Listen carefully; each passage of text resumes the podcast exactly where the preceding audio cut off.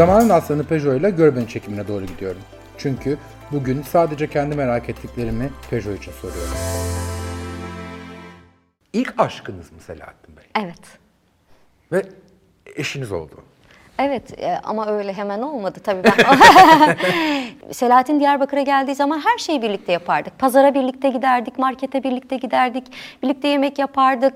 İşte bi- birlikte Diyarbakır'ın biz küçe diyoruz, küçelerini gezerdik, yürürdük. Yani hani birçok şeyi yapabiliyorduk aslında. Bana diyorlar ki nasıl bu kadar moralli olabiliyorsun, nasıl bu kadar umutlu olabiliyorsun? Çünkü hani geriye döndüğüm zaman o yıllar olmasını isterdim. O günün yaşanmamasını, o yılların geri gelmesini çok isterdim. Kimsenin dilinden, dininden, ırkından dolayı e, ötekileştirilmediği, kutuplaşmanın olmadığı bir ülkede yaşamayı hayal ediyorum.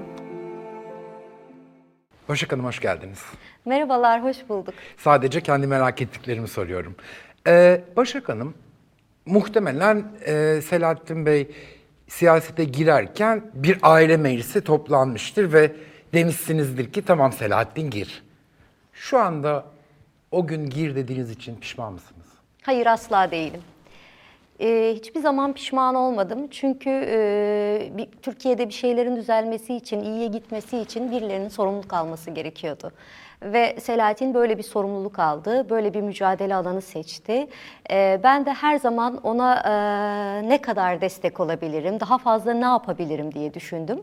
Bugün de dahil olmak üzere hiçbir zaman pişman olmadım. Hep daha fazla ne yapabilirim diye düşündüm. Öğretmenlikten niye ayrıldınız Başak Hanım? Zor bir soru. Öğretmenlikten ayrılmak durumunda kaldım. Ee, Çünkü Selahattin bizlerden çok uzakta, yaklaşık 1700 kilometre uzaklıkta e, bir şehirde e, kalıyor, e, Edirne'de kalıyor.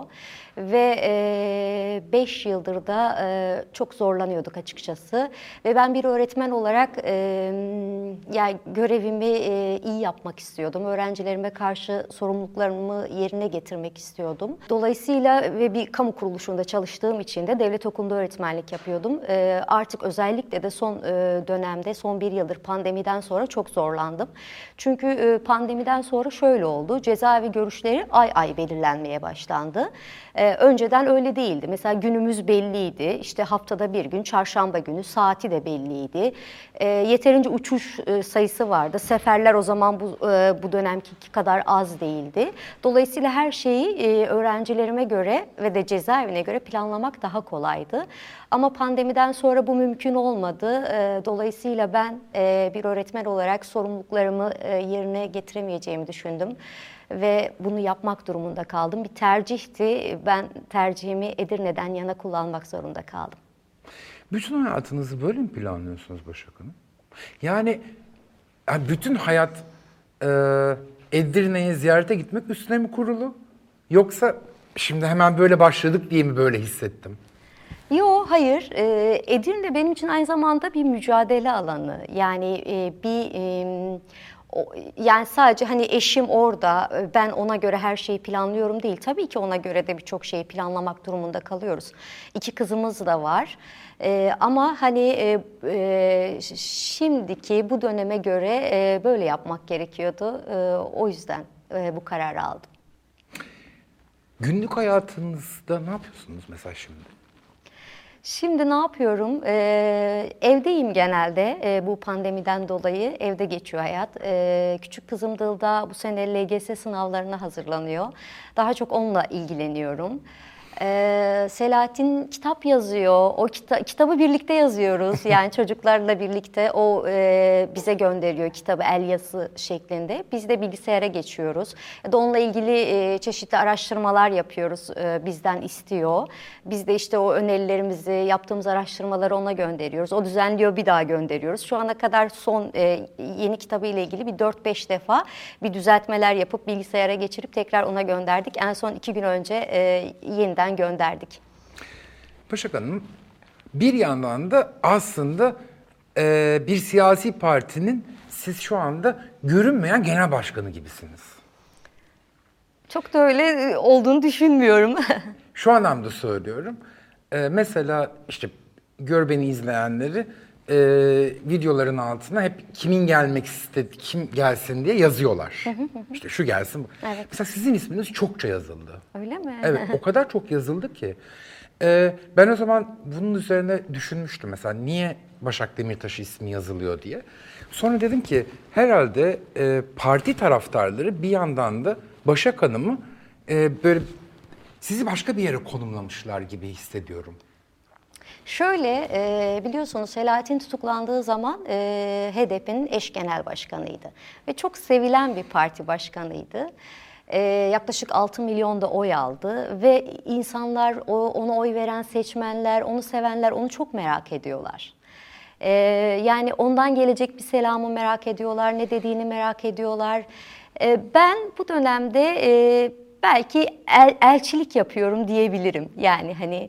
Ee, bu benim için bir sorumluluk. Yani hani ben normalde aslında çok görünmeyi de sevmezdim. Hani önceden böyle çok e, görünür olmayı çok tercih etmezdim. Ama bu dönemde görünür olmak benim için bir sorumluluk oldu.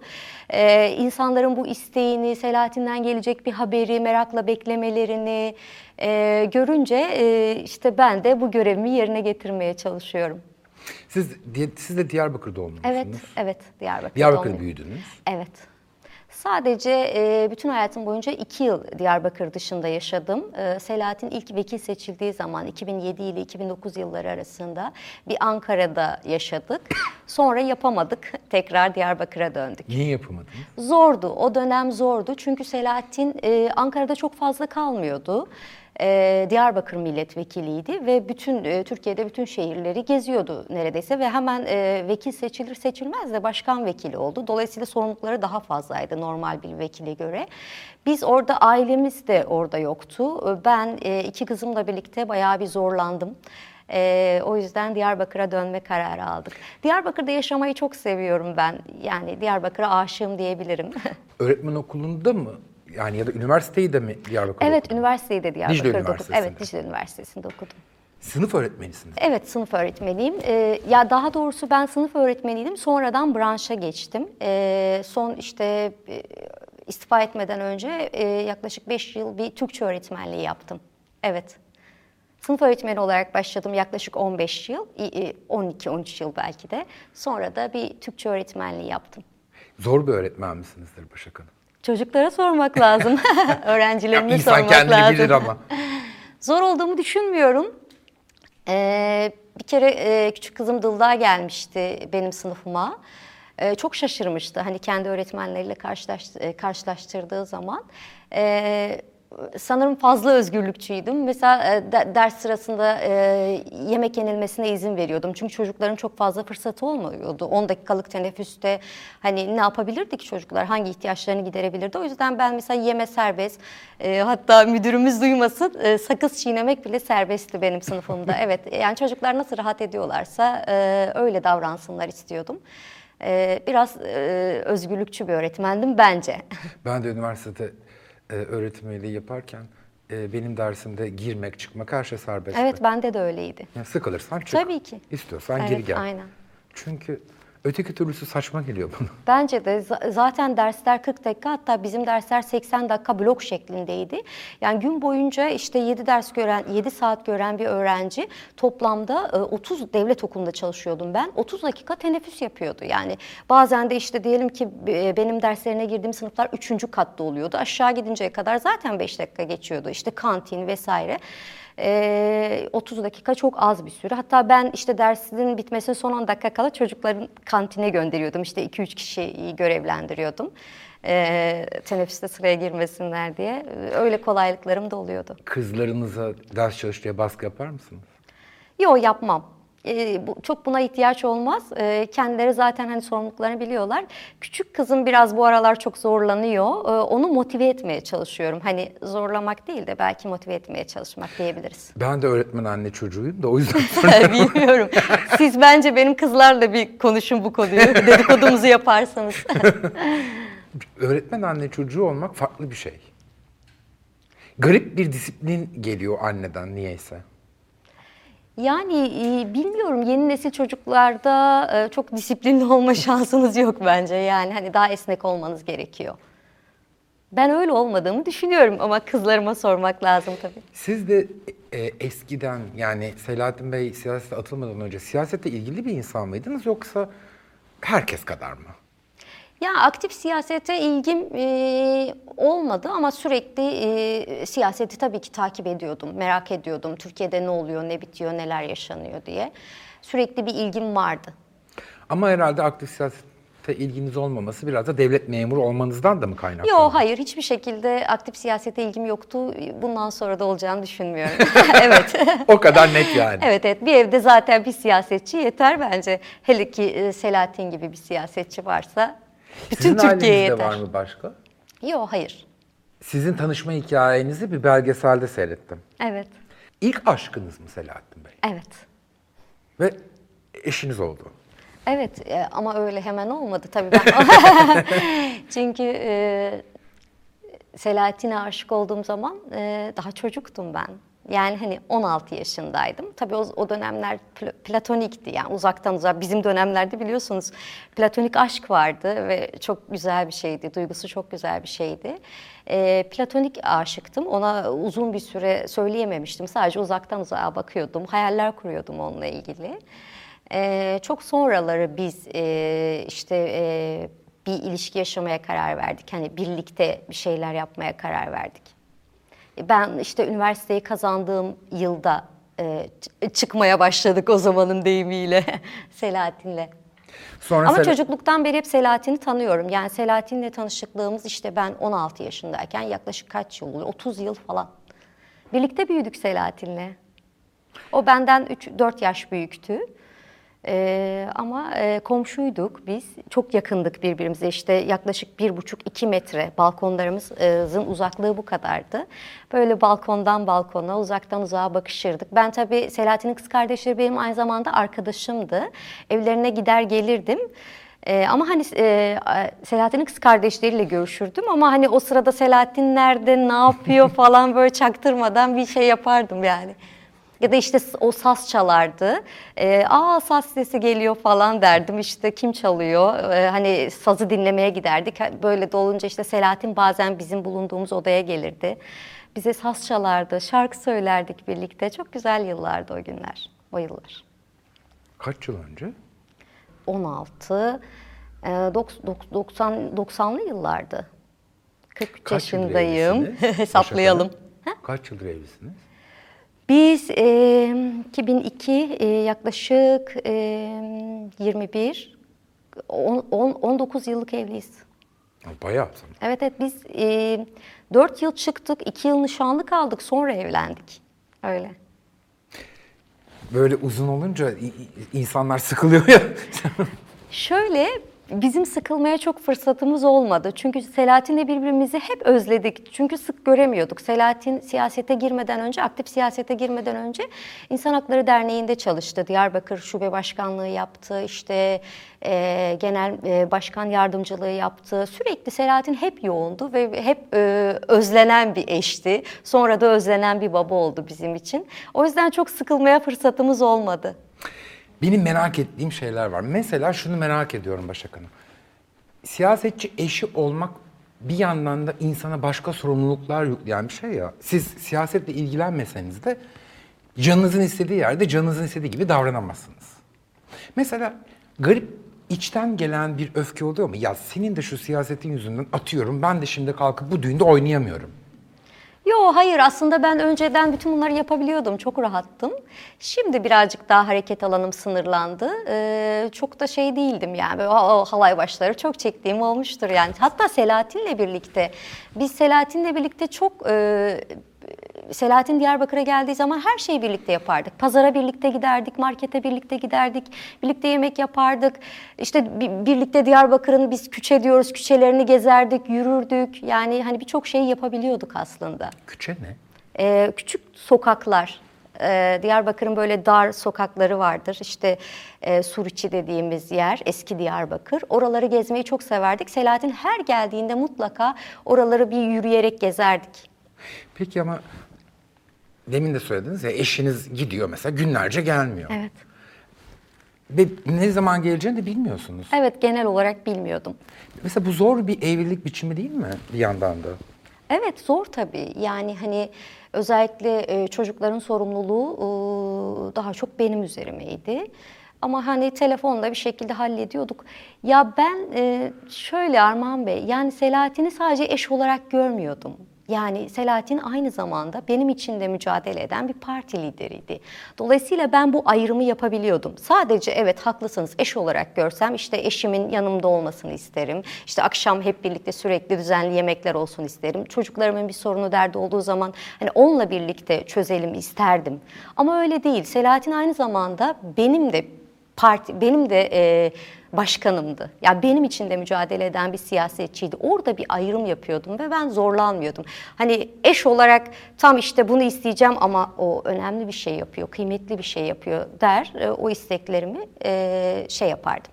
Geri atardım. Belki bundan kaynaklanıyor olabilir. Yani hiçbir zaman öyle düşünmedim. İlginçmiş. Ama şöyle hep böyle daha fazla zaman geçirelim. Ee, çok istedim. Hep hep özlüyorduk çünkü Selahattin'i. Selahattin'in eve geldiği zamanlar bizim böyle bayram günlerimizdi ve benim tatil günlerimdi. Selahattin eve geldiği zaman genelde işte çocuklarla o ilgilenir, e, yemekleri o yapardı. E, o yüzden ben e, Selahattin Diyarbakır'a gelmesinde e, geldiği gün çok e, en mutlu olduğum günlerdendi. E, hatta işte Selahattin çok yoğun olduğu için e, küçük kızım o zaman e, sanırım 3 yaşındaydı Zılda. Bir gün Selahattin'e şunu dedi. Baba bu gece bizde kalacak mısın? Yani başka bir evinin olduğunu, başka bir yaşantısının olduğunu düşünüyordu herhalde. E, yadırgıyordu yani durumu. Ama güzel tarafları da var. İşte çok özlüyorsunuz. işte birlikte gerçekten çok kaliteli vakit geçiriyorsunuz. Hani Selahattin bazen bir günlüğüne gelirdi biliyor musunuz? Yani sabah gelirdi, gece giderdi ya da işte sabah gelirdi, ertesi sabah giderdi. Ama çok dolu dolu geçirirdik. Çocuklarla da çok dolu dolu vakit geçirirdi yani. Siz e, Türkiye'de sosyal medya tarihinin, e, bu kısa sosyal medya tarihinin ilk en büyük linçini yiyen insanlardan bir tanesisiniz. Evet. Bir yandan da üstelik cinsiyetçi bir linç yediniz. Evet. Ne hissettiniz? Ee, tabii ki hani zorlandım, üzüldüm ama e, bunu yaşayan bir tek ben değildim. Bunun farkındaydım, biliyordum. Yani benim gibi birçok kadın sürekli ama sürekli bu linci yiyor. Sadece linçle kalsa bu da iyi. Yani e, şu anda Türkiye'de e, kadınlar sokak ortasında katlediliyor. Biliyorsunuz birkaç gün önce bir veri açıklandı. Yani 66 günde 68 kadın katledilmiş. Bu çok acı bir şey. Yani bütün bunları düşündüğün, düşündüğüm zaman e, hani bana yapılan linç bunların yanında çok hafif kalıyor. Tabii ki bunu küçümsememek lazım. Bunun için mücadele etmek lazım. Ama maalesef ki şu andaki erkek iktidarın politikaları nedeniyle e, kadınlar e, hayatın her alanında ayrımcılığa uğruyor, şiddet şiddet görüyor ve katlediliyorlar. E, bu çok acı bir şey. E, bununla ilgili e, mücadele ediyoruz. Bir de o dönem e, çok farklı insanlardan, farklı kesimlerden çok dayanışma gördüm. Bu çok kıymetli ve güzel bir şeydi. O e, iyi hissettirdi. Ama anladığım kadarıyla o linç sizi sosyal medyadan bir miktar uzaklaştırdı. Yok, hayır öyle olmadı. Yani hani... Ya da ben öyle gördüm.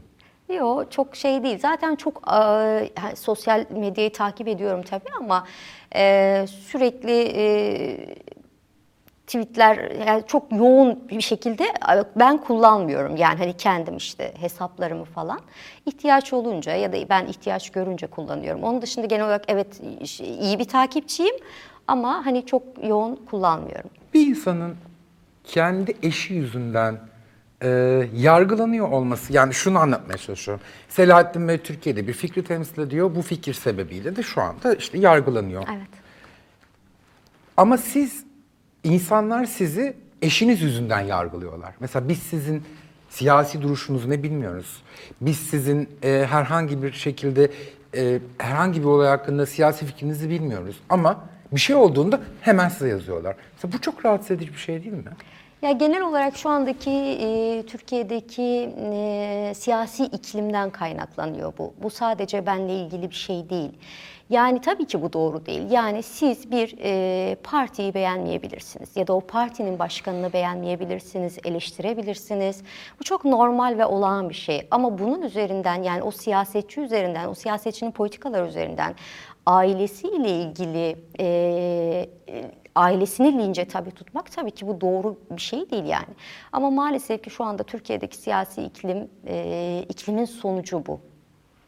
Başak Hanım, zaman zaman sabah yataktan kalktığınızda of ya çok yoruldum, çok yorgunum demiyor musunuz? Çok yorgunum demiyorum ama e, bugün ya ağır geldiği oluyor. Yani birkaç saat hiç yataktan kalkmayayım istediğim oluyor. Yani bazen işte o gün e, bir şey yapmak istemediğim oluyor. Ama işte o, o, o zamanlarda da hem Selahattin geliyor aklıma e, hem de kızlarım var. Onlarla ilgili işte bir kalkmak zorundayım, bir kahvaltı hazırlığı, onlarla ilgilenme falan. Bunlar e, bir taraftan iyi oluyor. Yoksa diğer türlü böyle ara ara bunalıma girer gibi oluyorum açıkçası. Çünkü Depresyon. gerçekten evet, evet yani depresyona girme hali oluyor. Çünkü çok zor koşullarda yaşıyoruz. Zor zamanlardan geçiyoruz. E ben de insanım. Yani zorlandığım oluyor. Profesyonel yardım falan alıyor musun? Yok hayır almıyorum. E niye? En büyük yardımım Selahattin. o bana yeterince moral veriyor. Halbuki ters olması lazım gelirken değil mi? ya öyle oluyor genelde ben moral vermeye gidiyorum ama ondan moral alıp dönüyorum. Bir de ben e, hep böyle e, bardağın dolu tarafını gören bir özel kişiliğim öyle bir özelliğe sahip. Belki onun da katkısı var. Başak Hanım, mesela gece ve dizilerimizi de takip ediyor musunuz? Yo çok fazla takip edemiyorum dizi. İstem- hoşlanmıyorsunuz. Yani hani çok takip et, ilgimi çeken bir dizi olmuyor. Bir geçen gün şey e, Masumiyetti sanırım. Onu izledik. Kızımla birlikte izledik. E, onu izlemeye başladım. Orada e, kadına yönelik e, şiddeti konu alıyordu. Hatta işte büyük kızım 17 yaşında Delal. Onunla böyle bir dizi yorumları yaptık. Anne dedi hani ne düşünüyorsun diziler hakkında falan. Dedim ki ben çok beğenmiyorum dizileri ama dedi ki yeni diziler iyi. Yani eskisi gibi hani çok şiddet içeren diziler yok. Mesela kadına yönelik şiddeti konu almaları çok iyi değil mi sence de? Ee, evet dedim e, iyi. O, o gelişmeyi kızım fark etmiş ya da o değişimi fark etmiş. Hani yeni diziler biraz daha iyiye gidiyor sanırım. Masumiyet de bunlardan birisiydi. Başak Hanım, e, mesela siyasi parti liderlerin eşleri birbiriyle telefonda falan konuşur, görüşür mü? Evet e, zaman zaman konuşuyoruz. Ama öyle hani bu bir arkadaşlık değil. Arkadaşlık değil ama genelde sıcak bir e, görüşme oluyor. A- Atıyorum. E, halden anlıyoruz yani siyasetçi eşi siyasetçi eşinin Atıyorum, halinden yıl- anlıyor. Değişik bir bağ var. Evet çok uzun sohbetlerimiz olmadı belki olmuyor. Ama hani e, e, şey birbirimizi anlıyoruz. Yılda bir iki kere. Evet. Azmış. E, Şey olmadı yani çok fazla e, ilişki geliştirecek zamanlarımız da olmadı. Gerçi siyasetçi eşleri deyince daha genel tutmak lazım belki. E, yani çok böyle hani samimi olduğumuz siyasetçi eşleri ya da siyasetçi çocukları da var. Mesela işte İdris Baluken'in eşiyle görüşüyoruz ya da işte Gülten Kışanak var Diyarbakır Büyükşehir Belediye Başkanı kızı Evin var onunla daha sık görüşüyoruz. Ee, Onlarla belki dostluk düzeyinde şeylerimiz var. Yok, ben ilişkiler- lider düzeyinde ha, işte soruyorum. on, onunla, o, o çok nadir. Ama var. Evet var. O linç yediğinizde çünkü bir sürü e, parti genel başkanı sizi aradığını hatırlıyorum. Evet aradılar beni. Değil mi? Eşleri de aradı ayrıca. Bu dayanışmalar güzel aslında. Çok güzel, çok güç veriyor bana, moral veriyor.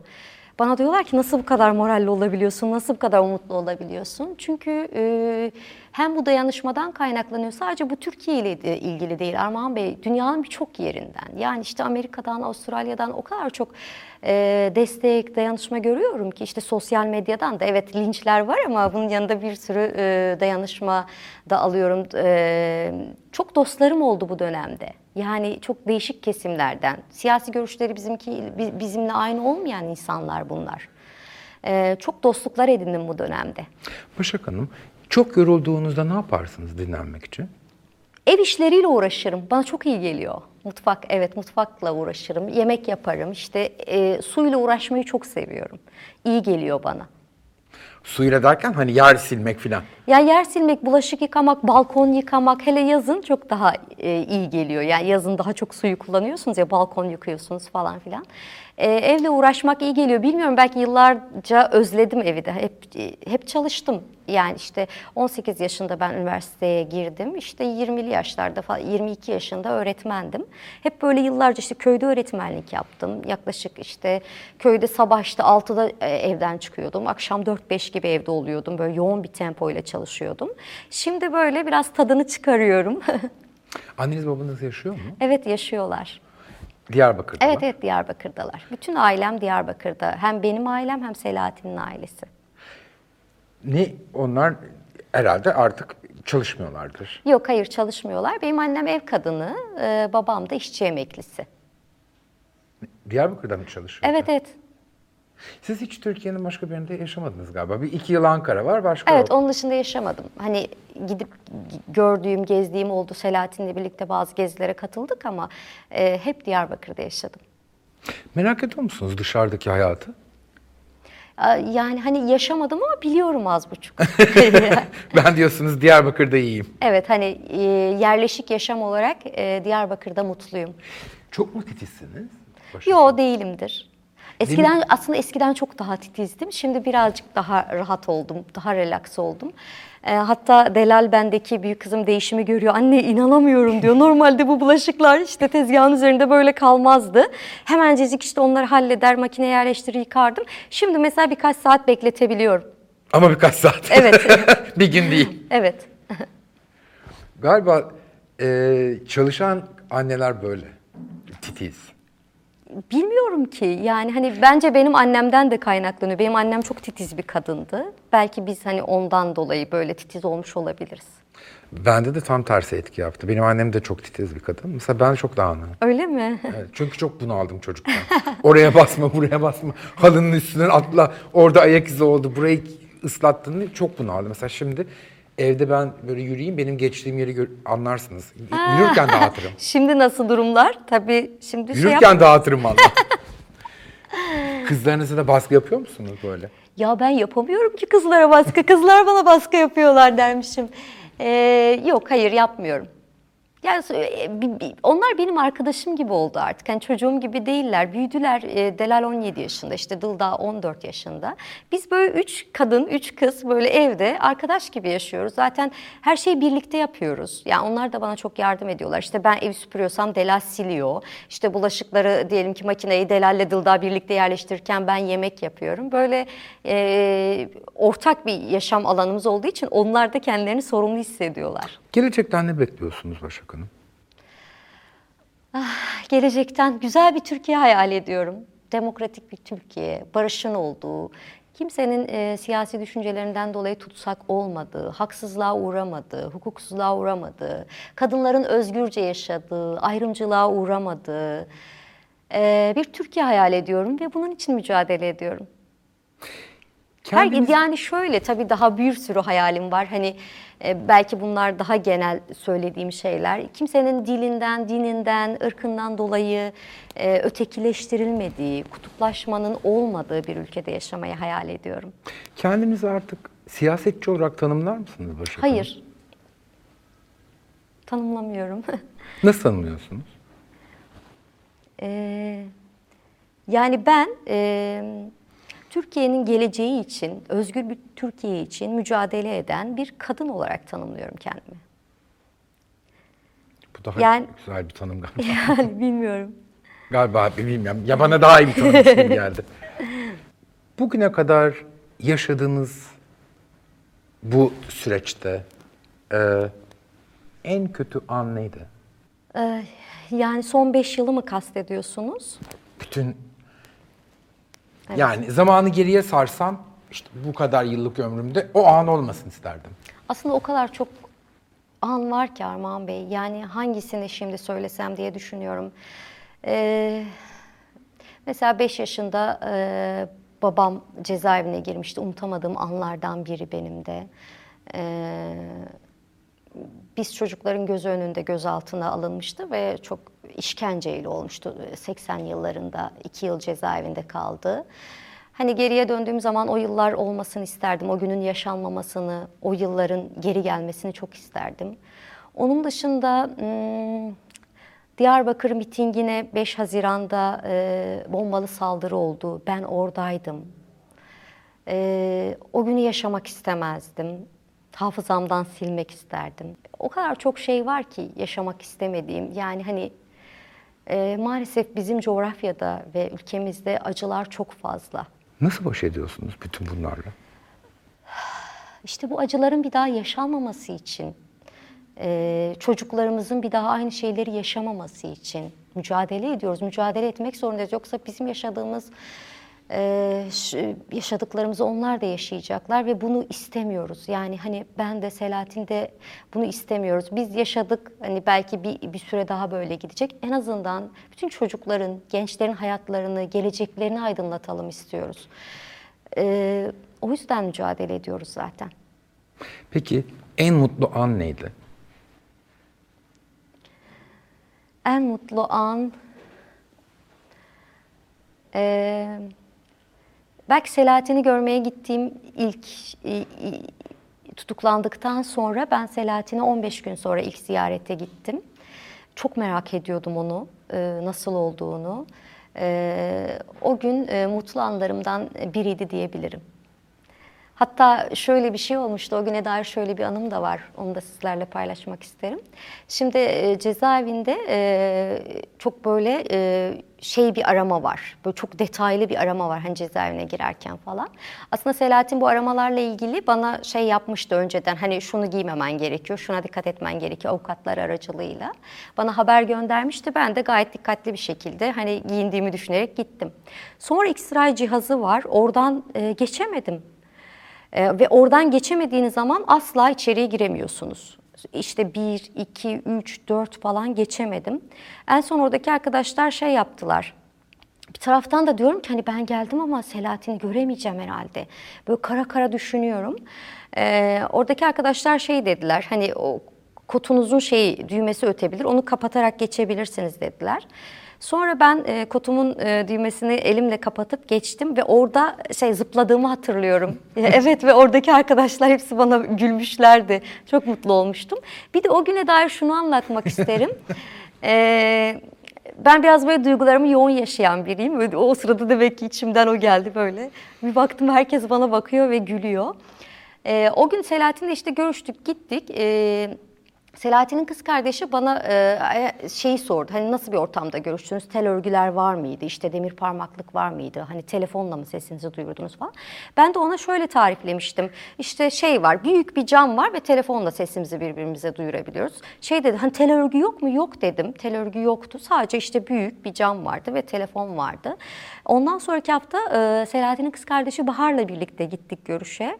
Sonra e, görüş kabinine girer girmez Bahar bana dedi ki Başak abla, dedim ki Bahar, e, meğerse e, pembe e, demir parmaklıklar varmış ve ben onu hiç görmemişim. Evet sadece Selahattin'in yüzüne, gözlerine e, odaklandığım için o 10 santim aralıklarla demir parmaklıkları ve pembe demir parmaklıkları görmemişim. Bu e, benim unutamadığım anlardan biri. Ne garipmiş. Evet çok garipti. Ben ben de çok ya bana da çok garip geldi. Hiç Edirne'ye taşınmayı düşündünüz mü Başak Hanım? Yo hayır düşünmedim çünkü biz e, Selahattin'i hani e, sadece bir saat görebiliyoruz. Yani bizim orada olmamız Selahattin'i daha fazla görmemize e, görmemizi sağlasaydı hiçbir dakika bile düşünmezdim, taşınırdım. Ama öyle değil. Hani orada olmamız şey olmadı. Yani daha zor olacaktı yaşamamız çocuklarla. Son, nihayetinde çocukların okulu var. Hani benim okulum vardı. Edirne zor olacaktı. Ama tabii ki daha fazla görmek mümkün olsaydı hiç düşünmezdim. Bir de orada olup hani Selahattin'i görememek de zor gelirdi. Aslında bazen orada birkaç gün kalmak durumunda kalıyorum. Bir taraftan iyi geliyor. Yani hani onun çok az bir mesafede ileride olduğunu düşünmek, düşünmenin güzel yanları da var ama bir taraftan da kötü bence. Başak Hanım, keşke hiç bu işlere bulaşmasaydı dediğiniz oluyor mu? Olmuyor. Gerçekten olmuyor. Yani biz şöyle Armağan Bey, yani tabii ki hani şunu düşünebilirsiniz. Selahattin işte e, biliyorsunuz avukat kendisi. Hani normal bir avukat olabilirdi. Çok da iyi bir avukat olurdu. İşte biz normal bir yaşantımız olurdu. Çocuklarla birlikte işte Türkiye'de normal bir aile nasıl yaşıyorsa biz de öyle yaşayabilirdik.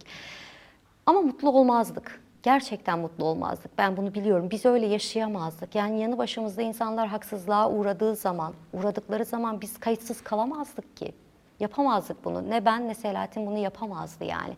O nedenle hiçbir zaman gerçekten pişman olmadım. Yani hep daha fazla ne yapabilirim, ne yapabilirim diye kafa yoruyorum, düşünüyorum. Bununla ilgili çabalarım oluyor. Kızlarınız etkileniyor mu bu iklimden? Ya tabii ki üzüldükleri oluyor Ee, ama e, çok şeyin farkındalar artık. Yani Selahattin tutuklandığı zaman onlar daha küçüklerdi. Anlatmak biraz daha zordu. Çünkü bir terslik görüyorlardı. Yani hani babaları en kıymetlileri, e, insanlar için mücadele ediyor. Bunun için hani kendi e, vakitlerinden çalı- çalınıyor bir şekilde. Yani sonuçta onlar da babalarını daha sık görmek istiyorlardı, çocuklardı. Ya bu kadar iyi şeyler yap- yapan bir insan neden cezaevinde olur? Ee, anlam veremiyorlardı yaşları da itibariyle ama şimdi birçok şeyin farkındalar. Peki. Sizi tanımak çok keyifliydi. Teşekkür ederim, çok Ee, sağ olun. Benim için de öyle. Önce ilk ön yargımın nasıl değiştiğini anlatayım.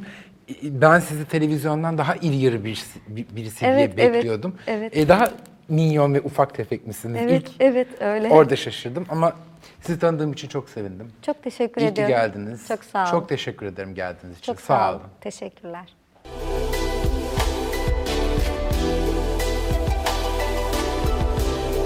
Sadece kendi merak ettiklerimi Peugeot için sordum.